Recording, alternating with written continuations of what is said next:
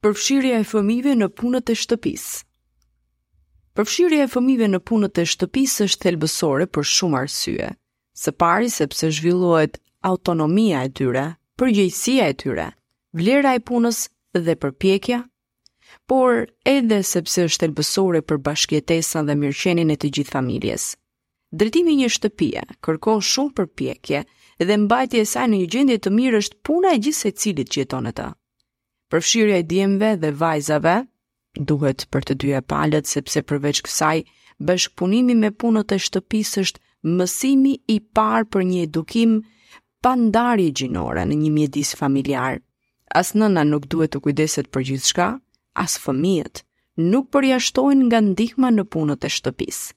Dhe sa më shpejt të filloni, aq më mirë, sepse sa më të vegjël, aq më të përthyeshëm janë ata dhe më lehtë është që t'i fitojnë këto zakone. Fëmijët janë autonomë dhe të pavarur, dhe kjo është thelbësore për zhvillimin e tyre. Të qenit i vetëdijshëm se punët e shtëpisë janë gjithashtu përgjegjësia e juaj, është një pikënisje e mirë. sepse aftësitë që fitohen nga punët e shtëpisë mund t'i shoqërojë gjatë gjithë jetës së tyre kur ata të rriten. Kështu që fëmijët duhet të jenë në gjendje të mbajnë gjërat në rregull, të kenë zakone të mira pastrimi. Në shumë raste janë vetë prindërit ata që eliminojnë fëmijët nga pjesa e punëve të shtëpisë. ose për të parandaluar që fëmijët të bëjnë qoftë edhe përpjekjen më të vogël, apo ndoshta dhe parandalojnë që ata të përkujdesen me idenë që nuk është pjesë e tyre. Kështu, ata mund të bëhen vetëm dembelë, pak përgjegjës apo të varur. Për më tepër, për fëmijët, mund të jetë diçka krejt normale që ata në përgjithësi të imitojnë kur shohin të rriturit. Shumë fëmijë marrin fshesën dhe imitojnë prindërit dhe është krejt e natyrshme, e mësojnë përmes imitimit. Madje i bën ata të ndihen pjesë e familjes, sepse ndjenja e përkatësisë në diçka, në një grup është thelbësore për zhvillimin emocional të fëmijëve. Po si t'i bëjmë fëmijët që të angazhohen në punët e shtëpisë?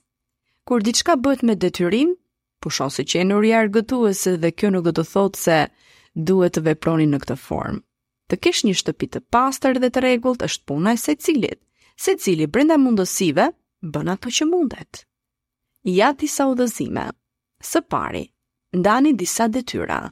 Mos prisni që fëmijët të vendosin se çfarë duan të bëjnë në shtëpi, sepse përveçse ka shumë punë, ju mund të krijoni një tabelë sipas moshës edhe mundësisë, ku secili mund të bëjë diçka. Së dyti, mësojini ata se si mundet t'i kryejnë këto punë të vogla. Për shembull, mund të bëjnë çarçafin duke shtrirë ose palosur, ose duke palosur rrobat e pastra, ose për të fshirë dyshemen. Së treti, mos provoni ndëshkimin. Nëse vërtet është pjesa e secilit një lloj përgjegjësie, kjo nuk do të thotë se nëse ata nuk i kryejnë mirë, ju duhet t'i ndëshkoni. Së katërti, Mos korrigjoni nëse ata bëjnë gabim, përforconi idenë pozitive. Pavarësisht se si i kryejnë punët e shtëpisë, ju duhet t'i inkurajoni. Së pesti, bëjeni argëtuese, vendosni muzikë, mundet të bëni në një formë loje, mundet ta bëni tamam si një lloj mundësie ku të gjithë të argëtohen. Përgjegjësia e fëmijëve në organizimin e shtëpisë duhet të jetë sipas aftësive dhe këto ndryshojnë nga mosha, por gjithashtu edhe nga mundësia e secilit. Mësimi i gjërave të ndryshme është një motivim për të gjithë. Ndaj mësojini fëmijët tuaj të bashkëpunojnë.